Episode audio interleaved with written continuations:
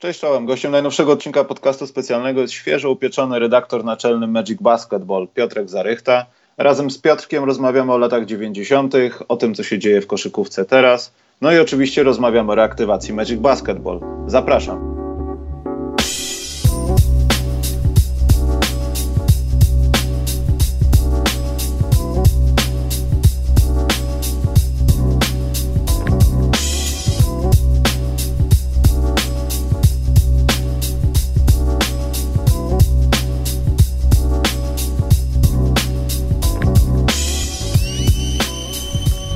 Cześć Piotrek. Cześć. Ja w zasadzie umawiałem się z Tobą na podcast o latach 90., ale w zasadzie chciałbym go prze... zmutować w podcast, jak szybko możemy zapomnieć o latach 90. Bo tak się zastanawiam, Piotrek, czy jest sens, znaczy ja wiem, że jest sens wspominać, mówić, porównywać i no, zawsze tak było w NBA.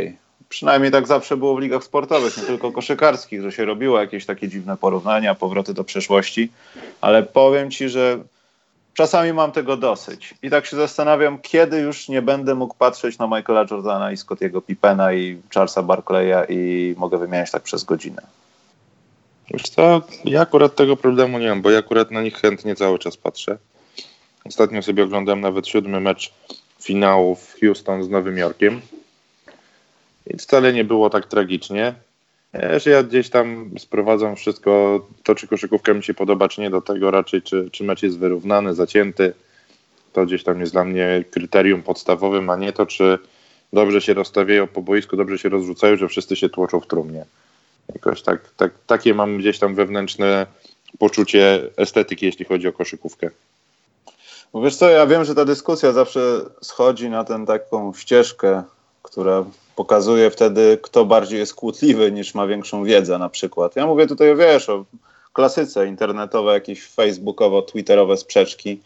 Czy ten hmm. zawodnik dałby sobie radę w latach 90.? Ja też święty nie jestem, aureoli nad głową nie mam w tym temacie i wielokrotnie zdarzało mi się i dalej mi się zdarza i pewnie będzie się zdarzać, chociaż mam nadzieję coraz mniej, e, żeby, no nie wiem, ostatnio z Karolem podczas podcastu specjalnego na żywo rozmawialiśmy o ja się śmiałem, y, co by zrobił z kim Charles Barkley albo David Robinson, ci tacy goście, którzy no może by nie pasowali do końca do dzisiejszej koszykówki, ale ich ciała, ich siła fizyczna na pewno by mogła coś tam zrobić więcej niż obserwujemy to teraz na parkietach. I tak zastanawiam się, kiedy to się w końcu skończy. Bo wiesz, to już mija, niedługo będzie z 50 lat od lat 90. Piotrek. Ale I... chodzi ci o kiedy się skończy takie porównywanie? Tak, kiedy się skończy to porównywanie. Nigdy. To takie porównywanie jeden do jednego. Wiesz, LeBron, Michael Jordan. Ja się boję, co się stanie z Zionem. To już będzie chyba ten moment, kiedy będziemy traktowali Jordana jak Billa Russella się traktowało w latach 90 co, wydaje mi się, że to się skończy w momencie, kiedy, kiedy ostatni ludzie, którzy pamiętają na ży- z oglądania na żywo lata 90., przestaną już oglądać koszykówkę i o nie pisać. Tak obstawiam. Myślisz? Mi się wydaje, że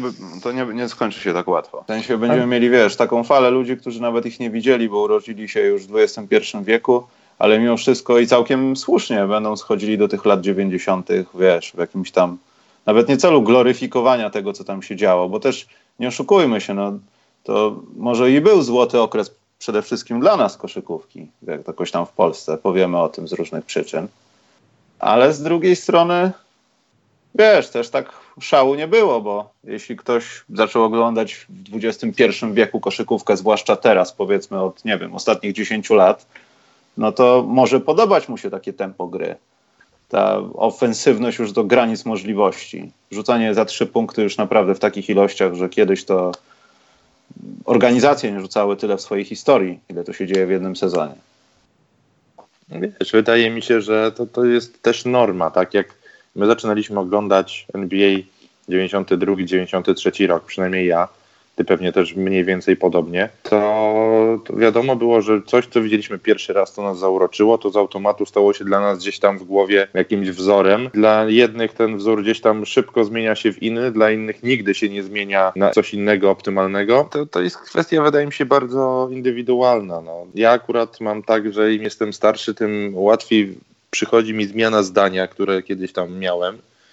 Natomiast wydaje mi się, że idealnym rozwiązaniem i teraz wybacz, że nie będę ani kontrowersyjny, ani nic, tylko powiem bardzo okrągło i w ogóle ładnie i, i pięknie. Każda koszykówka ma swoje plusy i minusy i ta z 90. lat i ta z obecnych. No to bardzo cieszy mnie Twoja obserwacja, ponieważ ja też nie chciałbym być taki morderczy do końca. I gdybyśmy mieli połączyć takie dobre rzeczy z lat 90. z dobrymi rzeczami z teraz, to co by to było? Ja pomijam zmiany, zmiany przepisów, no bo tam to, co się wydarzyło w połowie lat 90. i te takie już diametralne kroki w kierunku tego, żeby pozbyć się jak najbardziej wszelakiej agresywności poza tymi dozwolonymi rzeczami, żeby upłaszczyć ten aspekt trochę. Mhm. To jakie by to były rzeczy? To ja bym przede wszystkim trochę charakteru tamtym zawodników, z tamtych zawodników przeniósł do obecnej koszykówki, bo wydaje mi się, że mimo wszystko wtedy nie było flopowania. Było trochę bardziej myśli o tym, żeby, żeby jednak po prostu grać, rywalizować. E, to, co mi się teraz najbardziej nie podoba w koszykówce, to jest właśnie po pierwsze flopowanie, a po drugie opuszczanie meczów. Jakoś tak mam wrażenie, że 20-30 lat temu też się grało 82 spotkania, też się grało w takich samych odstępach czasowych jak teraz, tylko samoloty były trochę mniej wygodne, a w ogóle 40 lat temu to się jeździło autobusem po Stanach, a nie, a nie samolotem, więc wydaje mi się, że ta wygoda gdzieś tam jest czymś, co co mi przeszkadza w obecnej koszykówce najbardziej, wiesz, bo no tak jak mówię, no, mam wrażenie, że ta pogoń, ta chęć wygrywania kiedyś była większa niż, niż teraz. Teraz wiadomo, kasa jest ogromna, więc ten biznes przesłania często zawodnikom chęć przede wszystkim wygrywania. I to jest to, co ja bym przede wszystkim z lat 90. wziął do, do obecnej koszykówki, bo, bo, bo trochę, trochę mimo wszystko zdradzę teraz swoje poglądy i tak dalej, ale rzeczywiście ta koszykówka nowoczesna dla laika jest bardziej atrakcyjna niż ta 25 lat temu. Myślę, że jakbyś mu pokazał e, grupie jakiejś fokusowej jedno i drugie, to przy obecnym e, sposobie życia, sposobie bycia, to bardziej by chcieli tą nową koszykówkę, no bo nawet jak się chłonie media, to chłoniesz rzeczy krótkie, zwięzłe, które trwają kilka sekund i już, a nie, a nie, nie oglądasz jak 20 sekund Greg Antony stoi tyłem do kosza i czeka, aż Patrick Ewing ustawi się e, blisko obręczy, żeby dorzucić mu piłkę. To, to ludzi teraz już nie kręci, więc e, ten poziom estetyki jest bardziej w kierunku tego, co teraz jest. Natomiast tak jak mówię, ja bym wziął teraz atletyczność obecnych graczy NBA i połączył ją z charakterem tych z lat 90. To by było fajne połączenie. Ja bym dodał jeszcze taką tą mieszankę, której mówiłeś, takiej niekoszykarskiej. Pozbyłbym się, znaczy ja wiem, że to się nie da tego przenieść i to byłoby no, cywilizacyjnie no, niemożliwe. Gdybamy sobie. Ale ja bym pozbył się tych wszystkich rzeczy, które są teraz, czyli social media, e, wypowiedzi zawodników, każdy, wiesz, w zasadzie prowadzi własną telewizję na Instagramie i wiesz wszystko wcześniej, nawet, wiesz, przed jakimiś ludźmi, którzy raportują niejednokrotnie, są jakieś różne rzeczy, wiesz, ploteczki, dziewczynki i tak dalej.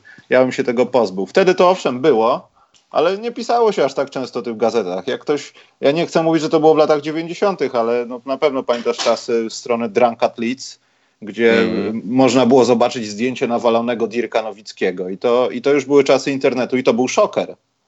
A teraz wchodzisz na Instagrama w nocy gdzieś, jak coś się felernego by stało, wszyscy to widzą, jest po jabłkach, nikogo w ogóle wiesz. Na drugi dzień to, a widziałeś, to widziałem, stare. I chyba tego bym się najbardziej pozbył, bo tak jak powiedziałeś, to jest chyba największa rzecz, która przeszkadza, ale niestety, stety niesie za sobą pieniądze i rzecz, której no, w latach 90. dzisiejsi koszykarze by chyba nie zrozumieli, gdyby by zostanie, no, wiesz, byli, mieliby zostać przeniesieni. Dzielenie się pieniędzmi, wiesz, te całe sytuacje wokół tego, ile się zarabia na lidze, właśnie z tych przyczyn social media, telewizje, kontrakty i tak dalej. Ale wiesz, z drugiej strony, jakbyś teraz przerzucił się w lata 90. E, z tą techniką, która teraz jest wszechobecna, i wrzucił takiego Charlesa Barclaya na Twittera z tamtych lat, Charlesa Barclaya, któremu się japa nie zamykała. Gdybyś mógł e, chodzić z telefonem, śledzić jak to Jordan po nocach e, gra w golfa albo łazi po Atlantic City czy jakimkolwiek innym przybytku, no to, to wiesz, to też by było gdzieś tam atrakcyjne, tak? I wydaje mi się, że być może nawet jeszcze ciekawsze niż teraz, bo teraz to wszyscy są już tacy grzecznieni. Nie, nie każdy ma tak wszystko w D, jak miał, jak miał Barclay, który sobie po każdym meczu lubił chodzić na pizzę, na browara i gdziekolwiek jeszcze indziej. Robił to po prostu jawnie, tak? Chociażby jak te historie właśnie z Igrzysk w Barcelonie, gdzie Barclay po prostu noc w noc siedział na Rambli i, balował do rana, no. A teraz wyobrażasz sobie coś takiego z którąkolwiek z gwiazdą? Przecież, o Jezus Maria, co się stanie, to wpłynie na, moje, na mój wizerunek, stracę followersów na Instagramie, akcje co, mojej firmy spadną. to nawet nie o to chodzi. Chodzi o to, że z przyczyn logistyczno-rzeczowych no, LeBron James pijący, nazwijmy to piwo z Demarcusem Kazinsem na Rambli, po trzech sekundach kończy się tłumem ludzi, którzy nie dają im dokończyć tego piwa. Znaczy wiesz, to akurat kiedyś też było, no bo nie, Jordan nie raz i nie dwa opowiadał, że tego typu rzeczy się wokół niego działy. Tak, gdzie on no ale Stockton w korku wysiadł z taksówki, poszedł i nikt go nie rozpoznał. No ale wiesz, to, to jak patrzysz na Stocktona, to tak jakbyś teraz na ulicę puścił, wydaje mi się, kto jest taki popularny jak John Stockton, nie wiem, Matthew Delavedowa. Alex Caruso. No na przykład, no puścisz takiego w Europie i co? Kto ci rozpozna Delavedowa albo Alexa Caruso? Nikt. No mi, mimo wszystko ktoś by rozpoznał, no kibice Lakers na pewno. Piotr, no tak, pewne. no ale to wiesz, no to, to nie masz takiej sytuacji, jak ci wychodzi LeBron James na ulicę, jak ci wychodzi Kobe Bryant, czy kiedyś Jordan, no to, to jest różnica. Więc to, to wiadomo, no nie, nie każdy z zawodników NBA miałby, spotkałby się z czymś takim, ale wielu wcześniej się spotykało i wielu teraz też by się spotykało, więc tu akurat różnicy nie widzę, po prostu kwestia tego, że że kiedyś jakby sobie wyszedł na piwo, to nikt by mu nie zrobił zdjęcia, a nawet jeśli to musiałby to być paparazzi i zanim to by się gdziekolwiek ukazało, no to musiałby w najlepszym wypadku pójść do telewizji i sprzedać zdjęcia do telewizji. To, to najlepsze, co mogłoby najszybciej trafić do mediów, a jak nie, to czekasz minimum jeden dzień na to, żeby się pojawiło w następnego dnia w jakimś dzienniku sportowym albo w jakiejkolwiek innej gazecie codziennej. No dobrze, a tak z, z, z rzeczy sportowych, to mimo wszystko chciałbym rozpatrywać ten okres przed tymi zmianami przepisów z handcheckingiem i tak dalej, e, żeby to na przykład zostało, zostało tak jak było, ale żebyśmy zachowali ofensywność, trójki i tak dalej dzisiejszej ligi. Myślę, że to byłoby ciekawe powiązanie. Tej, znaczy, wiesz, to może była trochę nadmierna czasami brutalność i za, za dużo się pozwalało. No, historie chłopaków z Detroit Pistons pokazują, że no, lepiej, lepiej naprawdę w kasku było wychodzić na boisko niejednokrotnie, jak ktoś się tam na ciebie uwziął. Natomiast mogłeś oddać. I, no mogłeś oddać. No. I to też nie wiem, czy nie wzmagało jakiegoś takiego charakteru, że jeśli te granice były trochę, trochę szersze, większe i można było więcej, wiadomo, że to też było za dużo czasami, ale połączyć to z tym, co się dzieje, że wiesz, zespoły jadą w kontrze za trzy punkty. No, kto to myślał 10 lat temu, żeby tak robić? A tu masz kontrę i zamykasz się na, na trójce i ją rzucasz i robisz tak kilka razy w meczu, to mogłoby przynieść naprawdę ciekawe rezultaty, bo mam wrażenie takie i to chyba może się zmienić. To też kilka razy ostatnio mówiłem, że przyjście takich ludzi do NBA jak na przykład Zion, ja nie chcę i jednocześnie wiedza o tym, że mamy na przykład jątka Antetokumpo w NBA, to może być powrót do tego, co w latach 90. chyba było najfajniejsze, czyli tych ludzi, którzy w polu trzech sekund przebywali. Bo teraz tak, to tam to, nie wiesz, warto problem, być. Wiesz, problem polega na tym, że w tej chwili w polu 3 sekund, nawet jak któryś z nich się tam dostanie, to będzie miał wokół siebie tylko jednego przeciwnika. Kiedyś jak się wbijali pod kosz, nie wiem, no Jordan to wiadomo, ale Drexler, Sprewell, Isaiah Ryder nawet, to oni jak się wbijali pod kosz, to musieli minąć najpierw e, silnego skrzydłowego, który bardzo często miał umiejętność bardzo dobrej obrony obręczy, nie wiem, Horace Grant, Dale Davis, Antonio Davis, Sean Kemp, to byli goście, którzy no, regularnie notowali po półtorej bloku na mecz, co z automatu by ich stawiało prawie w czołowej dziesiątce obecnej NBA. A potem jeszcze jak przeskoczyli tego silnego skrzydłowego, to musieli skakać nad głowami jeszcze centrów, nie? I, I tego teraz nie ma. Teraz jak taki Janis próbuje wejść w pole 3 sekund, to on musi pokonać tylko jednego zawodnika. Najczęściej pokonuje go na, na szóstym, piątym metrze od kosza i potem ma prosty dwutak do obręczy, więc to, to też jest tak, że te, te rzuty za trzy punkty, które aż tak mocno zrewolucjonizowały koszykówkę, otworzyły tak strasznie pole trzech sekund, że tam w tej chwili to masz autostradę. No tak, a poza tym wiesz, no to niestety jest matematyka. No, zmusiło cię to do tego, że trzy jest więcej niż dwa i nawet jeśli nie chcesz, nie lubisz, nie umiesz, to musisz albo w zawodniku, to też widać po Antku, albo w ogóle w drużynie, szukać jednak rozwiązań. Patrz San Antonio, że my nie chcemy, ale musimy trzeba odpowiadać. I wtedy, no tak jak powiedziałeś, robi się taka pętla. No co z tego, że mamy nawet takich ludzi, którzy mogliby się zajmować tą robotą, jak na koniec dnia ta robota jest niepotrzebna, no bo musimy mieć więcej punktów. No to jest tak proste. Na tym polega koszykówka. No Ale no tak, jednocześnie, to... wiesz, chciałbym pooglądać, to jest, to jest brzydkie to, co się teraz widzi. No, przyznaliśmy niedawno nagrody najgorszych koszykarzy. Karl Antony Towns jest takim takim kimś, kto by w tych latach 90. sobie nie poradził na przykład. I to nie jest mówienie z tęsknotą, tylko po prostu tak jest, kiedy on stoi na przykład jeden na jeden z Embidem tyłem do kosza, no to ludzie pokroju Murning, Ewing i Larry Johnson nawet, oni śmieją się, aż trzeba ceratę podłożyć pod miejsce, gdzie siedzą, bo jest mokro ze śmiechu. Oni nie używają siły, nawet jeśli, znaczy z Embidem jest inna, no, prawdopodobnie, znaczy nieprawdopodobnie, na pewno jest lepiej w tym aspekcie. Natomiast to też nie jest taki poziom, który by, nie wiem, wypchnął Hakima spod kosza ale miałby większe szanse, bo patrząc na takiego kata, takich zawodników mamy wielu. No to jest marnotrawstwo, moim zdaniem, zdolności. No, powinno się wykorzystywać ich te atuty, a tych atutów właśnie tam nie ma i to jest taka, taka nie wiem, sztucz, sztuczna pułapka. Kat to jest dla mnie gość e, w połowie lat 90. trójka. Niski skrzydłowy. Pamiętasz jak Kevin Garnett wchodził do NBA? Miał już 2,11 wzrostu i był ustawiony jako trójka obok Guglioty i Lina Gareta. To wcale bym się nie dziwił, gdyby Towns w tej chwili, gdyby go przenieść do lat 90., to dokładnie w to samo miejsce ja bym go wrzucił, czyli na pozycję niskiego skrzydłowego. I podejrzewam, że jakbyśmy się tak dłużej zastanowili nad tymi gośćmi, nad którymi się tak często spuszczamy w naszych zachwytach na ten NBA, to, to wielu byśmy tak musieli poprzenosić trochę niżej. Nie wiem, Nikola Jokic, który jest też przecież e, świetnym koszykarzem jak na obecną NBA, to mam wrażenie, że on jest po prostu miękki trochę. W nie, nie w sensie takim miękki, żeby nie nadawał się do bitki, bo pewnie razem z Nikolą Pekowiczem to mogliby rozkręcić niejedną imprezę e, w zaułku ciemnym, natomiast e, no, Jokiczowi mam wrażenie brakuje takiego zmysłu zabójcy i on w końcówkach raczej będzie oddawał piłkę niż, niż sam kończył. I zresztą często jemu się zarzuca to, że za mało rzuca, za mało bierze obowiązków na siebie, więc tutaj wydaje mi się, że to jest też kolejny wybór do nagracza, który by się nie nadawał. No, wystaw takiego jo, jo, przeciwko Jokiczowi takiego Oakleya nawet Charlesa Smitha z tamtych Knicksów starych, no to przecież on by go zjadł.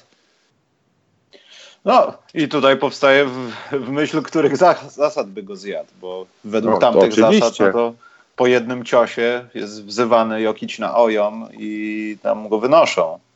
I sędzia według... mówi, no to był faul, to był faul, no ale on nie wraca. No, według nowoczesnych zasad Oakley dostaje zawieszenie na pięć meczów. Oj, to myślę, że minimum. Ale to też było smutne, że mimo że warsztat defensywny był taki, jaki był wtedy i był naprawdę przyzwoity, jeśli chodzi o zasady, naprawdę wielu centrów broniło taki książkowy sposób, ale ta brutalizacja tego faktycznie, no, gdybym był komisarzem ligi NBA, to bym jak najszybciej to zmienił. Bo to czasami kończyło się na tym, że gość nie celuje ci w piłkę, tylko celuje ci w głowę. Po prostu. No wiesz, mam wrażenie, że takimi mistrzami w tym wszystkim to są ci, którzy, o nich się bardzo słabo mówiło. E, Cleveland Cavaliers z czasów e, tego Mike'a Fratello czyli już po, po odejściu Marka Price'a, po zakończeniu kariery Brada Doherty'ego, oni wtedy tam mieli Terela Brandona, Danego Ferrego, Chrisa Millsa, Bobiego Filsa i oni wchodzili do playoffów 94-95 i 95-96, ale wchodzili rzucając chyba 88 punktów na mecz, lecąc 86, grali najbrzydszą koszykówkę, naj, naj, najgorszą do oglądania. I teraz nawet jak sobie chcę jakieś, raz na jakiś czas jakieś mecze stare z Jordanem obejrzeć czy coś, to akurat meczów Cleveland opuszczam, bo, bo nie jestem w stanie na to patrzeć. Chodząc z lat 90., to mamy jakiegoś koszykarza, którego bierzemy za pęcetkę do góry, przenosimy w lata 90. i sobie radzi? No pewnie, nie. że tak. Takich graczy będzie sporo. Ale Nawet... tak, że sobie radzi, że powiedzmy, jeśli to jest ktoś z jakiegoś statusu supergwiazdy, to tą supergwiazdą tam zostaje. No na pewno LeBron by bez problemu przeszedł tak mi się wydaje, bo, bo to jest dalej mimo wszystko, może nie byłby aż taką super gwiazdą jak teraz, bo byłby, mam wrażenie, w tamtych przepisach, w, tamtych, w tamtej koszykówce trochę lepszym Grantem Hillem i trochę lepszym Scottim Pippenem. Wydaje znaczy się, też że, trzeba pamiętać, że, że LeBron, jeśli by został przeniesiony tak jak no, zaczynał karierę normalnie, nazwijmy to rzeczywiście. Jego liga by zmusiła do tego, żeby na przykład, tak jak w ostatnich latach widzimy jego przemianę cielesną, że jest super fit, sałatki, półtora miliona dolarów rocznie na jedzenie, cateringi, kucharza i tak dalej. A tak jak widzieliśmy po Jordanie, tamta sytuacja też mogła go zmusić, mogłaby zmusić go do tego, że po prostu zamieniłby się w wielkiego, umięśnionego konia który nie no zastanawia się, czy ma ważyć przecież. powyżej 100 kg, tylko muszę mieć jak najwięcej tkanki mięśniowej, żeby przechodzić przez nich jak przez ścianę i to wszystko. Ale przecież był taki moment z LeBronem, jak on w czasach Miami przeszedł na pozycję numer 4. To wtedy ewidentnie LeBron trochę tak przypakował jeszcze bardziej. Natomiast później, tak jak mówisz, koszykówka stała się joggingiem z piłką i to i LeBron musiał zacząć biegać. No. Tak jak mówisz, za sałatką, za ogóreczkiem, za pomidorkiem, a nie za Besztykiem. Tak, a nie za Besztykiem. No dobrze, ale LeBron jest zerowy, no to jest najlepszy No dobra, wiadomo. Jaki jest ale to chyba wiesz, teraz. No, to, e, przeniósłbyś Dwayna Wade'a, też by się spokojnie odnalazł w roli Latrella Sprewella lat 90. To, to bez problemu. Przeniósłbyś kilku zawodników, którzy mogliby spokojnie grać podobnie jak Alan Houston, jak, jak Peja Stojakowicz, czyli gości, którzy będą biegali po zasłonach, rzucali. Takich graczy naprawdę wielu byś, byś przeniósł. Różnica jest tylko taka, że ci, którzy w tej chwili to robią, typu Kyle Korver, typu JJ Redick, są niżsi, tak jak Redick chociażby, e, i są mniej uzdolnieni w grze jeden na jeden. Tu poszła do, mocno do przodu specjalizacja, także tylko i wyłącznie do biegania po zasłonach i rzucania. Chociaż z drugiej strony, czy Reggie Miller umiał grać jeden na jeden? Ale z drugiej sobie. strony, czy musiał? No nie musiał, no wiesz, no wiesz, całą taktykę tak ustawili, żeby biegał po tej linii końcowej w jedną, w drugą stronę, obcinał się po zasłonach Davisów i Smitha i dostawał piłkę od Marka Jacksona i ciskał trójki. Myślę, że jakbyśmy tak popatrzyli, to, to spokojnie. Rajon Rondo by sobie świetnie poradził w tamtej koszykówce. Antek by sobie poradził w tamtej koszykówce? Czy byłby Antek po prostu by... długim gościem, Antek. który... No, obecny, obecny Antek Obecny Antek tak. Dopiero w momencie, kiedy on rzeczywiście tak nabrał tej masy mięśniowej, to tak. Dawny Antek raczej nie. Ten z początku kariery, no nie wiem, to by była kariera typu Bruno Caboclo z obecnej NBA. Mam wrażenie, bo tam to po prostu wchodzi. Bruno Caboclo jest gwiazdą teraz. Nie no, ja wiem, że Bruno Caboclo jest gwiazdą, że dzisiaj Eric Moreland z Toronto Raptors podpisał kontrakt do końca sezonu i, i w ogóle. No ale wiesz, wiesz o co chodzi, no wydaje mi się, że w tamtych czasach mimo wszystko ta fizyka była tak istotna, tak, tak ważna, że, że w tej chwili wielu graczy z tego powodu by sobie nie poradziło. No. Ale to wiadomo, to też działa w drugą stronę. Gdybyśmy chcieli przy, zacząć przenosić z tamtych lat do obecnej koszykówki Oakleya, Masona, e, nawet e, Larego Johnsona, Glena Robinsona, Bakera czy innych graczy, to też by sobie nie radzili, no bo, bo musisz mieć rzut za trzy na przykład. Więc na przykład taki Tony Kukoc w tej chwili byłby gościem uwielbianym, bo to byłby obecny Lauri Markanen na przykład. Taki potencjał, tak? Jakby Kukoc wchodził do NBA obecnej, tak jak wchodził w 1993 roku, to byłby to potencjał Lauriego Markanena, co najmniej. Ja miałem ostatnio taki sen, że Larry Johnson dołączył do Chicago Bulls w drafcie. W którym drafcie? W tym w roku, w tym roku tylko dołączył tamten. I... A. Ale szybko się obudził. To, się może, to, może się zdarzyć, no bo przecież Zajona się porównuje do, do Larego. Tylko żeby mu plecki tak szybko nie trzasły. No i żeby też nie przebierał się za babcię, bo to może był zły znak. Zgolimy sobie y, teraz siwe wąsy historii i pogadajmy chwilę o tym, co jest teraz w przepięknej lidze. Ja dostaję, Piotrek, masę pytań, czy jest sens oglądać tegoroczne playoffy, ponieważ wszyscy myślą, że Golden State Warriors już wygrali. Ja tak też trochę myślę. Ale wydaje ci się, że na wschodzie będziemy oglądali drużynę, która chociaż w tym Golden dokopie jeden mecz w finałach? Myślę, że tak. Jaka to będzie drużyna? Filadelfia. Serio? No... To, to, ja to, to, zawsze mówię, mogę się mylić potem kij z tym. Ja zawsze mówię, że w playoffach twoja rotacja jest mocno zawężona. Więc nie liczy się to, czy z ławki ci wejdzie czy znaczy inaczej, Norman Piotrek, Powell ona powinna być zawężona, tylko nie zawsze ci się to udaje, że to zawężenie daje ci określony efekt. Nie, no oczywiście, ale wydaje mi się, że tu mimo wszystko Filadelfii da ten efekt. Oni mają odpowiedź moim zdaniem na każdego w konferencji wschodniej. Wydaje mi się, że największy problem będą mieli z Milwaukee. Jak oni trafią na Toronto, o chyba trafiają w półfinale konferencji już teraz na pewno, no to, to sobie z Toronto poradzą. Prędzej sobie nie poradzą z Milwaukee, ze względu na to, że Mike Bodenholzer jest po prostu zbyt sprytny. Wiesz, chociażby taka prosta rzecz, zabierzmy lewą rękę Jamesowi Hardenowi. No, nie jest to odkrycie Ameryki, ale jakoś 29 czy 28 pozostałych y, z tych trenerów w NBA na to nie wpadło. No, może nie wpadło, może nie ma odpowiednich ludzi do tego, może być masa innych czynników, natomiast trzeba pamiętać, że to jest też tak, że wiele zespołów pewnie próbowało to robić i to nie wychodzi zawsze. A żeby to zrobić przynajmniej w pięciu meczach, no to naprawdę musisz mieć dużo szczęścia, bo to bardzo często jest niemożliwe, po prostu. Nie, no oczywiście, że tak. Natomiast chodzi o to, że jest to jakaś próba, bo tak jak oglądasz mecze wszystkie Houston Rockets, o ile oglądasz, bo ja staram się unikać, to, to jak już się ogląda, no to wszyscy tak samo. No wystawmy swojego najlepszego obrońcę na Hardena, ale nie gra broni jeden na jeden i twarzą w twarz. Nie ukieruje, nie, nie ukierunkuje go na prawą rękę, tylko twarzą w twarz.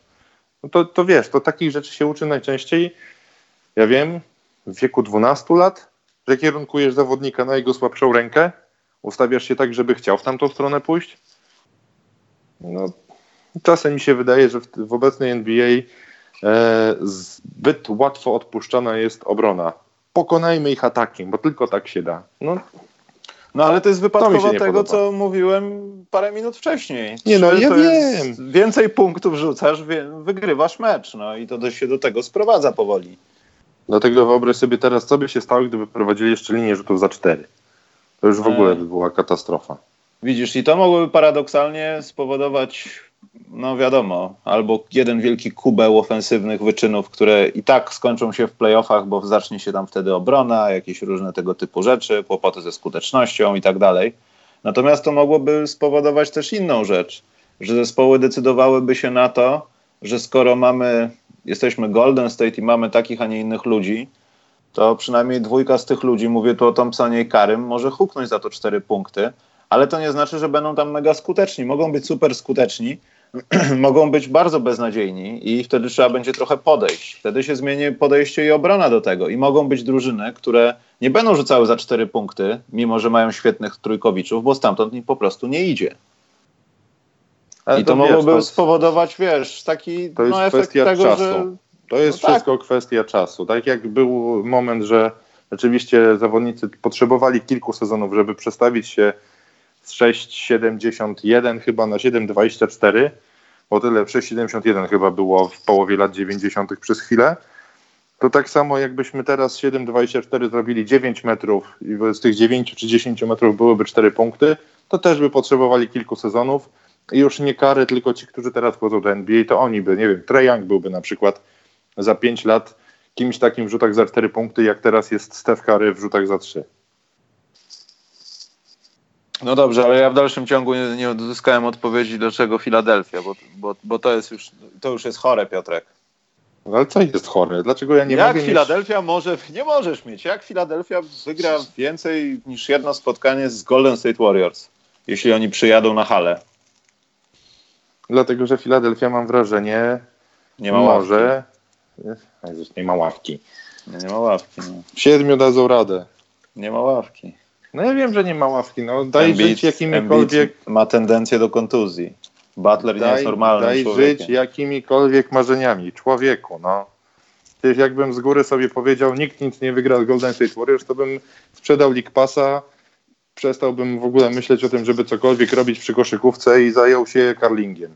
Byłbyś merytoryczny przynajmniej, ponieważ uważam, że na wschodzie jest tylko jedna ekipa, która ewentualnie mogłaby wygrać te spotkania, ale wygrałaby je głównie obroną. I to, to, troszeczkę, ale to troszeczkę widzę to niestety, bo chciałbym bardzo to widzieć w Milwaukee Bucks, ale myślę, że mogą być za krótcy na to, że to wszystko na wschodzie może wygrać Toronto. Ciężko ja jest znaleźć wydaje, drużynę na wschodzie, która jest w miarę zbilansowana w obronie, w ataku i ma jeszcze do tego ławkę. I tam nie ma za specjalnie aż takich dziur, nad którymi trzeba byłoby się zastanawiać i je łatać. Ja wiem, że do każdego można przylepić łap, łatkę, że się nie stara, że nie broni, że czegoś nie robi, ale tam tego jest najmniej.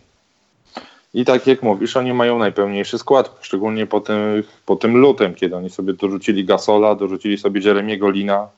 Mają teraz trzech naprawdę solidnych, chociażby rozgrywających. Mają Kyla Lauriego, Van Vlita i właśnie Lina. Pod koszem mają Gasola, mają Ibakę, mają zajebistego Siakama, mają Lena, Lenarda. No, skład jest najbardziej równy, masz rację ale wciąż mnie nie przekonuje. Ja wciąż mam wrażenie, że tam czegoś będzie brakowało i że w playoffach będzie jedna wielka kupa znowu. Co oni cię przekupili? Kto? No kto? Filadelfia. Nie, nikt mnie nie przekupił. Po prostu nie wierzę w Toronto. Póki nie zobaczę ich w finale NBA, to, to nie uwierzę.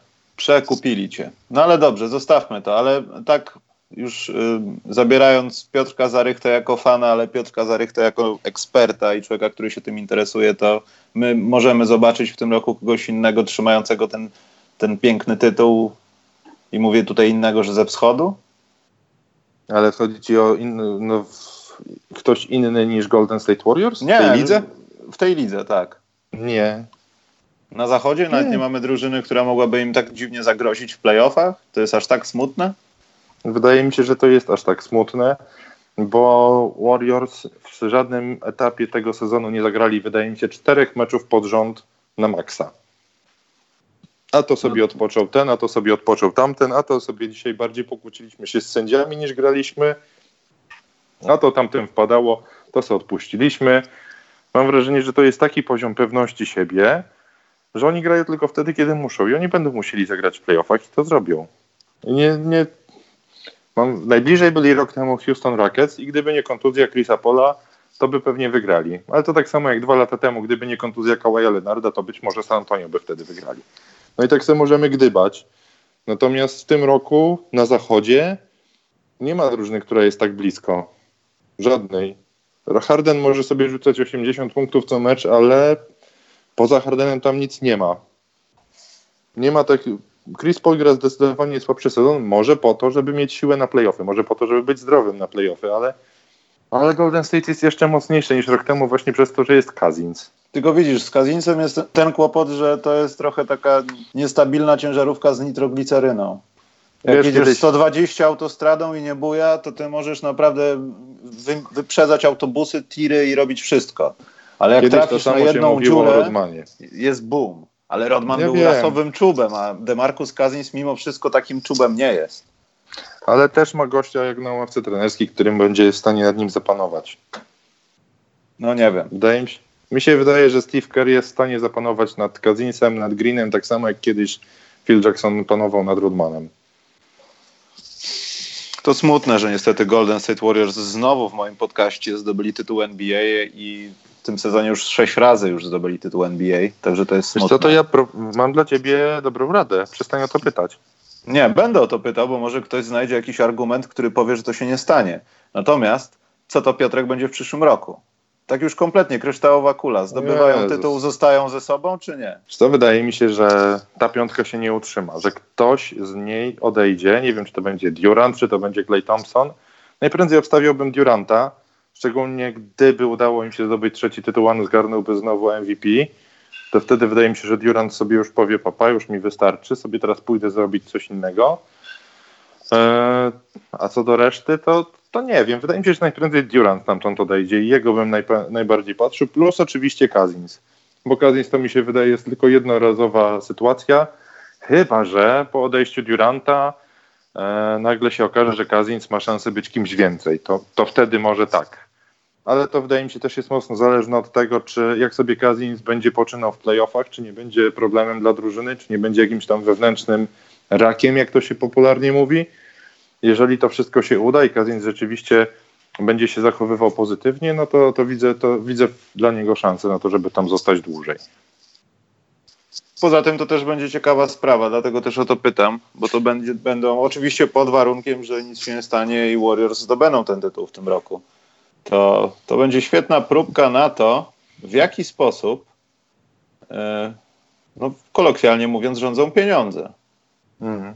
Bo wiesz, bo jesteś będąc Kevinem Durantem i na przykład tam na The Athletic pojawiła się ta teraz anonimowa sonda na temat tego, kto powinien być MVP, obrońcą roku i jakieś tam pytania, dla kogo nie chciałbyś grać, u kogo chciałbyś grać. I wśród mhm. tych pytań było, gdzie przejdzie Kevin Durant. Najbardziej popularną odpowiedzią, i to było ponad 40% respondentów chyba, y, chociaż nie wiem ilu ich było, bo tam chyba nie ma podanych nazwisk koszykarzy, którzy w tym brali. Nazwisk nie ma, gdzieś czytałem, że 115 czy 120 było przepytanych łącznie. No, no coś, coś koło tego. To, to jedna y, czwarta ligi, tak? Tak, no i domyślam się też, że The Athletic jakoś zadbał o to, żeby, no nie wiem, Ryan Narcidiakono nie był, wiesz, no jedną z najfajniejszych osób na tej liście, prawda? No tak. Że to nie są ludzie, którzy nie mają głosu, zdania, opinii, ani kontaktu z tymi ludźmi, na jaki temat się wypowiadają, ale Kevin Durant według tego głosowania ma się pojawić w Nowym Jorku.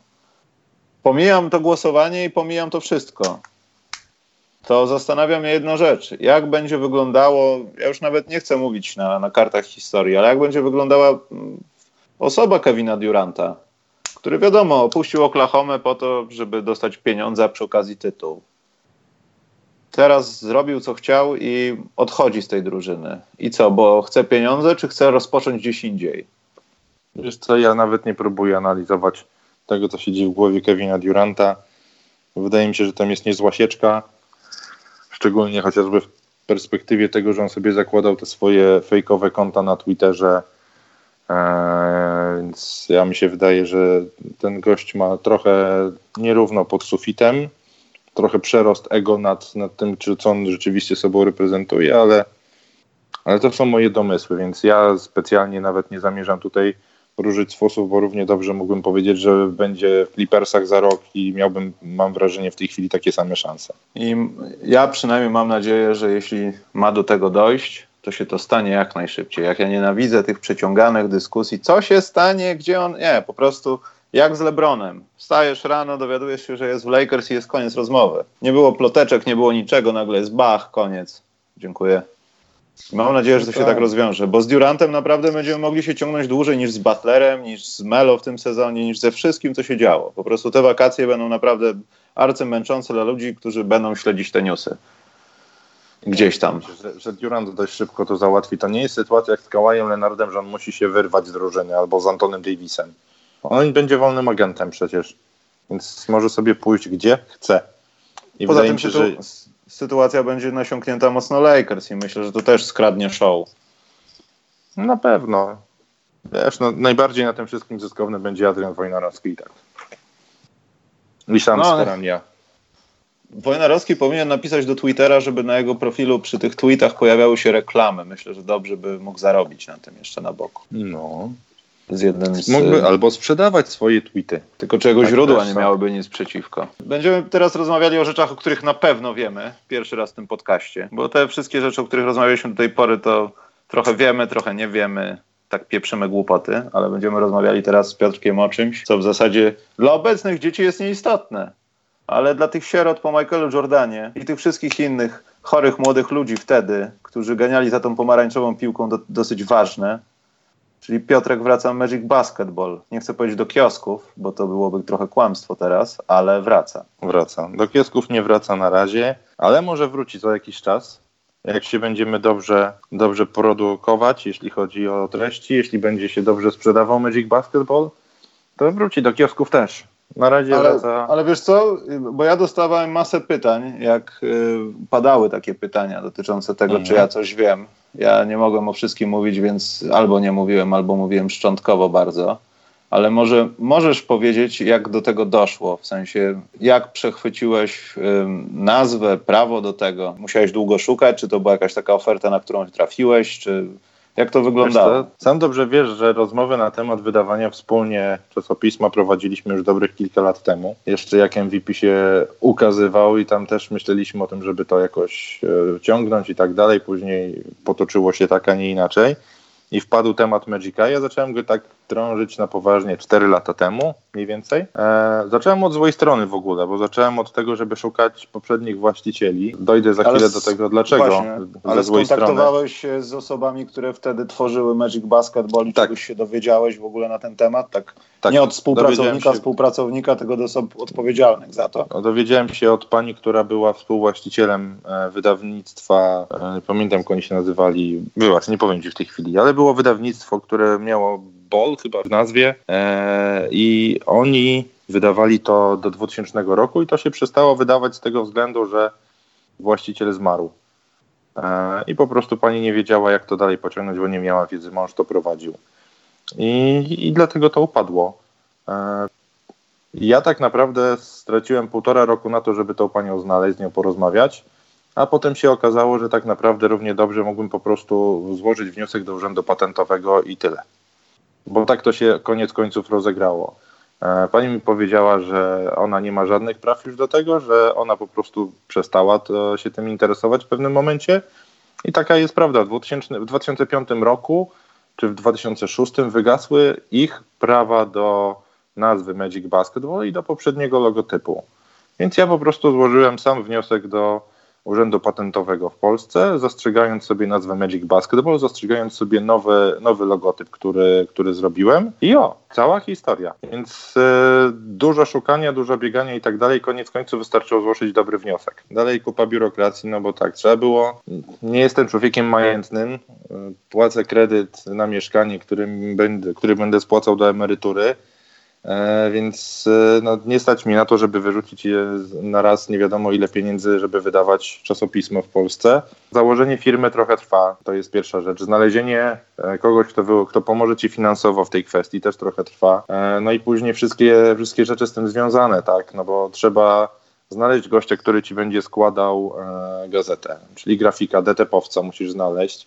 Musisz znaleźć redakcję, która będzie chciała z tobą współpracować musisz znaleźć firmę, która będzie ci składać wydanie cyfrowe i to będzie robić tak, że, że to nie będzie zwykły PDF, którego każdy może sobie otworzyć i, i za darmo e, rozpowszechnić. Musisz sobie znaleźć firmę, która ci udostępni zdjęcia, która, drukarnię, która ci wydrukuje i tak dalej, i tak dalej. No tych rzeczy jest od groma i ciut ciut. Jest to po prostu zwykłe prowadzenie działalności gospodarczej, tak? czy też spółki, tak jak w, w naszym wypadku. Mamy spółkę ZO, i ta spółka musi po prostu działać. I, i, i już, no, to, to jest e, tak naprawdę tu nie ma jakiejś wielkiej historii romantycznej, która nie wiadomo jak fajnie by się sprzedała. Jest to zwykła charówka, którą po prostu robimy dzień w dzień. W bardzo fajnym gronie to, to jest to, co nas ratuje i na, nas napędza mocno do przodu. To, to, że są naprawdę fajni ludzie, którzy sobie nawzajem pomagają. To też jest fajne to w naszej firmie, że jesteśmy e, ludźmi z trzech zupełnie różnych światów i nie wchodzimy sobie w ogóle w drogę, bo ja jestem ze świata koszykówki, natomiast moi dwaj wspólnicy nigdy z koszykówką nie mieli nic wspólnego, chyba że grali kiedyś na WF-ie w podstawówce czy w liceum. Jeden jest z branży finansowej, a jeden jest z branży reklamowej, więc uzupełniamy się tak, że, że ja piszę, i znajduje ludzi do pisania, a oni znajdują pieniądze na finansowanie tego wszystkiego. Słuchaj, no też wiesz, no nie będę oszukiwał z punktu widzenia osoby, która była współodpowiedzialna za wydawanie MVP. Też nie chcę ci podcinać skrzydeł, broń Boże, wiesz, przy milionach słuchaczy. Natomiast jak ty to widzisz w sensie e, wydawania? Wiadomo, wiesz, no digital teraz to jest 100% szczęścia, drukowanie jest tylko dla masochistów i zboczeńców, którzy gdzieś tam w kącie piwnicy chcą dotknąć i powąchać. I poza tym jest to coraz mniej opłacalne z różnych względów. Już nie tylko mówię o cenach druku, ale też o podatkach nakładanych na papier i nawet chyba na, na farby drukarskie, bo to już w naszym kraju też doszło do jakiegoś absurdu. No ale pomijając wszystko, to już bardziej chodzi o względy cywilizacyjne. Też Piotrek, żeby Magic Basketball był czym? Uzupełnieniem, e, pierwszym źródłem wiadomości. Wiadomo, no, nie możecie wrócić do tego, co było w latach 90., jak była tylko telegazeta i, i Magic Basketball. To chcemy być czymś, czymś takim, czego nie ma po prostu w tej chwili na rynku. Wiadomo, że nie mamy szans z internetem. To w ogóle nawet nikt nie będzie próbował się z tym koniem kopać, no bo to, to by było bez sensu. A wydaje mi się, że nie jesteśmy głupi, tak to, tak to ujmę. Nie jesteśmy głupi, więc nie próbujemy porywać się z motyką na słońce, więc nie będziemy walczyli, nie będziemy mieli w ogóle praktycznie nic, jeśli chodzi o kwestie newsowe. Pewnie zrobimy jedną czy dwie strony o newsach, jedną czy dwie strony o statystykach i tyle, jeśli chodzi o rzeczy w miarę bieżące. Chcemy oprzeć się na własnych treściach, e, tworzonych przez naszych, e, przez naszych redaktorów. Chcemy robić felietony, chcemy robić fajne wywiady, to, to naj, mamy fajne osoby odnośnie tego, które będą dla nas robiły wywiady. Już na przykład w pierwszym numerze będzie gość, który Kiedyś w NBA dostał nagrodę dla zawodnika, który zrobił największy postęp, więc takiego, takiego gościa udało nam się wyłapać do, do numeru zerowego, który się ukaże w najbliższą sobotę. No i tak jak mówię, na tym się będziemy skupiać. To będą nasze treści, to będą treści felietonistyczne, będą treści dłuższe. Będziemy znale- starali się znaleźć takie rzeczy, których nie da się znaleźć po wpisaniu w Google nazwiska zawodnika i, zna- i przejrzeniu jednej strony wyszukiwania. Tylko rzeczywiście takie smaczki, które które gdzieś głębiej, gdzieś głębiej siedzą. Będziemy na pewno pisać o latach 90., bo trudno się do tego nie odnieść przy tym tytule, jaki mamy. Będzie, więc będzie Tych, tutaj które jedna... hejtowaliśmy wcześniej? Tak, ale to Skandal. mimo wszystko, wiesz, no, nasza grupa jest taka wiekowa, że, że chce wracać do tego. No, I będziemy Wiem, chcieli poczytać o Oakleyu. Masonie czy kimś innym skandalicznie to brzmi jeszcze, bo sam spowiłem artykuł o latach 90., także yy, no. Yy. Tak, także tu możemy uchylić rąbka tajemnicy, że Michał też jest z naszej redakcji. To jest miłe jeszcze... uczucie, kiedy jest się w redakcji, a nie odpowiada się za takie rzeczy. Wiesz, Piotrek, naprawdę, jednocześnie ci współczuję, ale to jest miłe. Wiesz, z drugiej strony, póki co jest zapał, także póki co jest naprawdę fajnie. Poza tym mam świetnego zastępcę. Tomek Kostrzewa jest naprawdę gościem świetnie zorganizowanym, bardzo dobrze mi się z nim współpracuje, więc jak już ja mam dosyć, to po prostu zrzucam coś na niego, E, także, także o. A on nie ma no. ludzi za bardzo, chociaż trochę czasem. Pozdrawiamy Tomka. Powiedz teraz o jak tak ordynarnie wygląda plan wydawniczy. 13 kwietnia, czyli w najbliższą sobotę, wypuszczamy zerówkę. Zerówka, czyli wydanie tylko i wyłącznie cyfrowe, mające na celu pokazać czytelnikom, jaki Magic Basketball będzie. Czyli kto będzie mniej więcej w nim pisał, w jakie, jakie to będą treści, jakiej długości, żeby po prostu ludzie zobaczyli, jaka będzie jakość tego wszystkiego. E, będzie dostępna całkowicie za free, będzie trzeba tylko ściągnąć sobie aplikację Magic Basketball na, na telefon bądź na, bądź na tablet. E, I w tej aplikacji będzie sobie można ściągnąć to pierwsze wydanie, no i później każde kolejne też będzie można sobie już zakupić. E, następnie na koniec czerwca, tu jeszcze dogadujemy dokładnie datę, bo zastanawiamy się, czy próbować celować się pomiędzy finałem NBA a draft, czy też wydać już wydanie po drafcie. E, więc to jedna z tych dwóch dat, czyli mniej więcej między 20 a 30 czerwca będzie wydanie już takie pierwsze oficjalne, e, drukowane i, i cyfrowe, już w pełnej też długości, bo to wydanie, które wyjdzie w najbliższą sobotę, to tak jak przeliczyliśmy, to jest około 30 stron, stron drukowanych, a tam już będzie pełne 60. Więc to jest nasz, nasz cel, więc wydajemy się później w, pod koniec czerwca. Następnie Będą lipcu, plakaciki? Plakaciki będą, oczywiście. Na razie będzie jeden plakat dwustronny. Natomiast y, jak, jak będzie się dobrze Magic sprzedawał, no to pomyślimy nad większą liczbą plakatów. A potem połowa lipca i pod koniec sierpnia. Takie, takie są plany na najbliższe kilka, kilka miesięcy, jeśli chodzi o wydawanie Magica. Dobrze, Piotreka, powiedz, bo ja zaraz zadam pytanie cena, natomiast przede wszystkim jak? W sensie y, dzięki aplikacji ludzie będą mogli kupować egzemplarze drukowane i nie wiem, przy okazji też elektroniczne, czy subskrypcja na Już stronie? Powiedz, jak to wygląda. Od strony technicznej wygląda to tak, że przez aplikację można kupować tylko i wyłącznie wersję cyfrową żeby kupić wersję drukowaną bądź połączoną wersję cyfrową i, drukowaną, to można na naszej stronie. Można też oczywiście przez naszą stronę będzie zamówić sobie wersję cyfrową. Natomiast aplikacja daje tylko i wyłącznie dostęp do wydań cyfrowych, żadnych innych. E, jeśli ktoś chce druk, musi wejść do nas na stronę, będzie musiał zostawić swoje dane, opłacić i, i, i w ten sposób będziemy dostarczać. E, koszt wysyłki jest już wliczony w cenę, także tym się nie będzie nikt musiał przejmować, nie będzie żadnych dodatkowych dopłat, chyba że za jakiś czas wprowadzimy do naszego sklepu e, jakieś pamiątki, o tym też myślimy, typu kubeczki, typu, typu koszulki i wtedy najprawdopodobniej już wysyłka takiej rzeczy będzie się wiązała z jakąś opłatą za dostawę. E, więc tak to, tak to wygląda od strony technicznej. Przygotujemy zestawy takie, że nie będzie, będzie możliwość zakupienia sobie pojedynczego numeru, ale też będzie można kupić prenumeratę półroczną albo roczną. Oczywiście ona wtedy nie będzie po prostu sześć razy cena jednego wydania, tylko będzie tam odpowiednio zrabatowana, żeby, żeby człowiek na przykład zapłacił za 10, a dostał 12. Dobrze, to powiedz teraz yy, ile i dlaczego tak drogo? Nie, tego ci nie powiem dzisiaj. Tego ci nie powiem dzisiaj, bo E, w tej chwili czekamy jeszcze na ostateczne potwierdzenie od, od e, strony Apple'a i, i Google'a, z tego względu, że najzwyczajniej w świecie aplikacje tego typu mają swoje poziomy cenowe, w które się trzeba wpasować, więc nie mamy możliwości przeskakiwania sobie z 11 zł na 12 albo z 16 na 17, tylko skaczemy niestety co kilka złotych. E, no i tu nie, tego nie przeskoczymy, więc tu musimy wybrać jeszcze ostatecznie kwotę. Na, na jedno wydanie już mamy wybraną, natomiast czekamy jeszcze na kwestię właśnie tych e, prenumerat, bo też będzie można sobie przez aplikację kupić od razu 12 e, z, z góry egzemplarzy, 12 kolejnych numerów z góry, natomiast, e, no tak jak mówię, czekamy na potwierdzenie od Apple'a i od Google'a, jakie są te poziomy cenowe przy większej liczbie sztuk. Natomiast ceny będą e, od 13 kwietnia, będzie można wszystkie ceny sobie zobaczyć, czyli za 3 dni od teraz, więc tak dużo już, tak długo już nie trzeba czekać. W takim układzie Piotrek, dziękuję Ci za dziś. Y, mam nadzieję, właśnie, bo wiesz co, przypomniało mi się, y, jak zaczynaliśmy z MVP i jeszcze też jakoś tam byłem tylko redaktorem, nie byłem odpowiedzialny za całą produkcję, to pamiętam taki jeden komentarz, nawet nie pamiętam osoby, czy to on, czy ona, wszystko jedno, ale pamiętam, że stawiam 10 zł na to, że nie utrzymacie się więcej niż 10 numerów. Więc jeśli w przypadku MVP trwało to tak długo, a to miało być 10 numerów, no to tobie życzę, żeby to nie trwało 5. Wtedy to jest, wiesz, mniej, więcej to się przetłumaczy jakoś żeby było jeszcze więcej, Piotrek. No i żebyś nakłonił te mhm. dzieci z gimnazjów mam nadzieję, że otworzą im szkoły w końcu, żeby czytały.